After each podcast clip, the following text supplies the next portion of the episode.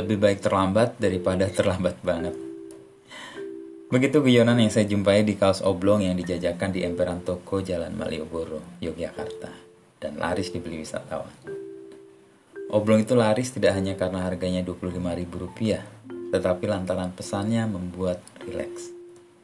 Beberapa orang wisatawan yang melintas tersenyum sebelum memutuskan membeli oblong itu. Rasa bersalah karena tuntutan ketepatan waktu di dunia yang hitung-hitungan dan diwarnai ketegangan berkurang setelah membaca tulisan di oblong itu. Yogyakarta memang lihai untuk kejenakaan menertawakan kecenderungan dunia macam begini.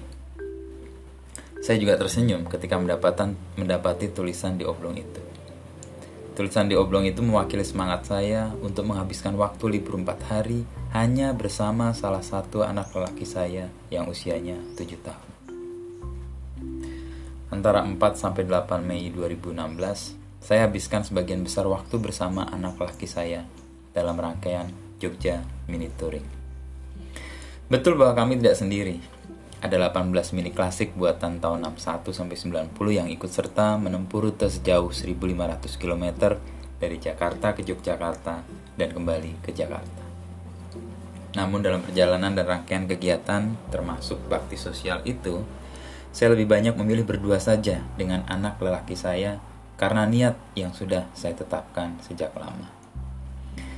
Niat itu muncul sejak lama meskipun kerap tenggelam Niat itu muncul lagi dan seperti meminta diwujudkan setelah saya membaca artikel Why Every Father Should Bring His Toddler Out for a Mini Adventure yang ditulis Stephen Chow awal 2016. Karena anak laki saya tidak dalam kategori toddler 1-3 tahun, perwujudan niat saya ini bisa disebut terlambat juga sebenarnya.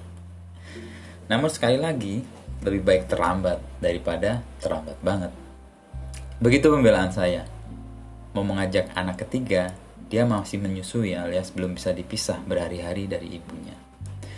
Mau mengajak anak pertama saya, nah, ini persoalan juga. Kayaknya terlambat banget karena dia sudah beranjak remaja dan mulai asik dengan teman-temannya. Kepada anak saya yang saya ajak untuk ikut kegiatan ini, saya sampaikan secara terbuka berikut konsekuensinya. Tidak ada paksaan dan saya gembira karena untuk perjalanan jauh ini anak saya berminat. Rencana lantas kami susun termasuk menyikapi kemungkinan yang bisa timbul sebagai konsekuensi perjalanan yang tidak sepenuhnya bisa kami kendalikan. Pada pokok ini kami belajar kecil-kecilan tentang bagaimana mengelola kekecewaan dalam menghadapi situasi ketidakpastian. Ada harapan, namun kenyataan kerap kali tidak sesuai dengan harapan. Soal harapan sampai di Yogyakarta sebelum malam misalnya, tidak sesuai dengan kenyataan. Kami yang berangkat dari Jakarta selepas subuh via Pantura, tiba di Yogyakarta tengah malam. Di jalan banyak perhentian, entah karena gangguan kecil pada kendaraan atau karena hal-hal lain di luar dugaan, seperti pemandangan indah yang membuat kami ingin berlama-lama menikmati perjalanan. Ketidakpastian kerap juga memunculkan kejutan yang menyenangkan. Perjalanan sekitar 20 jam membuat kami intens bercakap-cakap. Hal yang amat jarang bisa kami lakukan dengan intensitas seperti itu. Sebagai pekerja, waktu tempuh ke tempat kerja dan pulang ke rumah menyita banyak waktu untuk bercakap-cakap dengan anak-anak setiap hari. Kami yang tinggal di sekitar Jakarta mengalami hal ini. Meskipun menjelang malam saya lihat ada kekecewaan lantaran belum juga sampai di kota Yogyakarta, anak saya bisa menerima alasannya. Kebersamaan dan bantu-membantu di perjalanan membuat kami menanggalkan ego untuk segera tiba di Yogyakarta sendirian. Kesulitan teman perjalanan adalah kesulitan bersama untuk diatasi. Meskipun anak lelaki tujuh tahun sudah bisa dianggap mandiri, pengawasan dan campur tangan orang lain bukan tidak diperlukan.